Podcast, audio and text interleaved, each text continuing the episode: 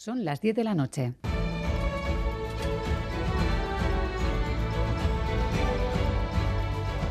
Radio Euskadi y Radio Vitoria.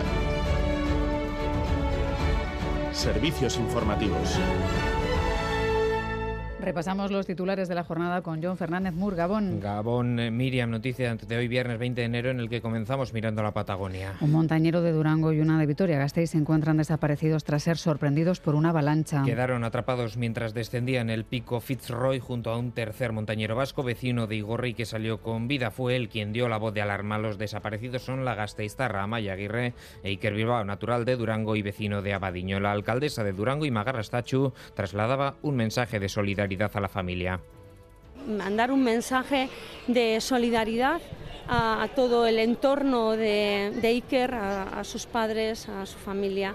La Federación Española de Montañismo y Escalada ha anunciado en un comunicado que las informaciones que llegan desde Argentina son desalentadoras y que la Comisión de Auxilio del Chaltén en Argentina dice que no hay esperanza de encontrarlos con vida y que no se dan condiciones de seguridad como para enviar un equipo de rescate. El gobierno vasco está en contacto con la embajada, la Cancillería argentina y con el montañero superviviente. Este último estaría, al parecer, dispuesto a volver a ayudar al rescate si fuera necesario. Según la información que han pasado autoridades argentinas al gobierno vasco, se va a hacer todavía un seguimiento de esas condiciones climáticas y del terreno para programar, intentar un intento de ascenso en las próximas horas o días. Y en casa, el gobierno vasco recomienda no ir al monte este fin de semana debido a la presencia generalizada de placas de hielo. También desde Cruz Roja advierten de la peligrosidad de acudir al monte este fin de semana. Iraicho Charri, director del Centro de Operaciones. Las bajas temperaturas en las cuales vamos a tener en los próximos días va a provocar que ese pequeño deshielo se va a convertir en, lo que es en las horas eh, nocturnas hielo, ¿no?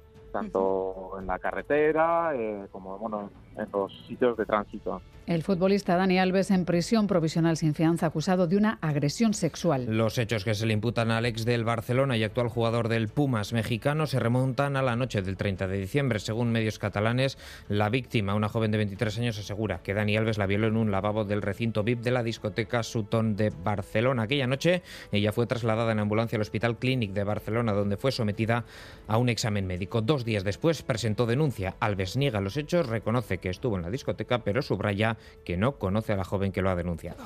En Crónica Política continúa la polémica en torno al centro de acogida de refugiados de más de 300 plazas que el Gobierno central quiere abrir en Vitoria. Y ya hay peticiones expresas de que se paralice el proyecto, como la del alcalde de Vitoria-Gasteiz, Gorka Hurtaran. Desde el Gobierno español, sin embargo, son tajantes. Se va a construir. Amapola Blasco, directora de gestión del sistema de acogida en declaraciones a Radio Euskadi, incluso ha ido más allá y ha negado la existencia de un modelo vasco de acogida hasta donde yo estoy no existe un modelo vasco. Lo que hay es un modelo estatal que lleva trabajando en Euskadi desde los años 90. Cuando hablan de modelo vasco no sé a qué se refiere. Desde el gobierno vasco insisten, hay un modelo vasco que funciona y no se puede decir que los macrocentros lo hagan. Xavier Legarreta, director de Migración y Asilo. Euskal Ereduaren emaitzak badaukaguz, emaitza positiboak emoten dauzela. Makrozentroetatik nik ez daukat makrozentro referente bat non aldosten eskaini praktika on batzuk edo emaitza on batzuk. Ez dago, Carlos García Danero será el candidato del Partido Popular a la alcaldía de Pamplona. El diputado transfugo de UPN concurrirá a las municipales como candidato del Partido Popular. Entrevistado aquí en Gambara, ha hablado de los retos que afronta el PP Navarro en las elecciones municipales y forales ahora que concurrirá en solitario. El Partido Popular de Navarra, el reto que tiene, entre otras cosas, es ganarse a todo ese electorado que tiene muy claro que lo que hay que hacer es una alternativa al gobierno de Chivite y no aspirar a ver si te deja alguna migaja en esas negociaciones que tiene con el independentismo y con el nacionalismo, con la idea de que si en algún momento ellos no ocupan un lugar en la mesa, pues que te deja ocuparlo a ti. Yo creo que lo que hay que hacer es una alternativa para, para ser alternativa y no ser un apéndice del gobierno de Chivite. Y hoy 20 de enero, John, fiesta en San Sebastián. Y tanto, y es que había muchas ganas de recuperar tras tres años un día de San Sebastián habitual.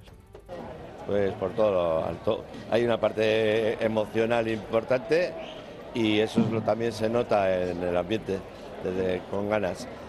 Es todo, así terminamos. Más noticias en una hora y en todo momento en itv.eus y en la aplicación ITV Albisteac. Geruarte.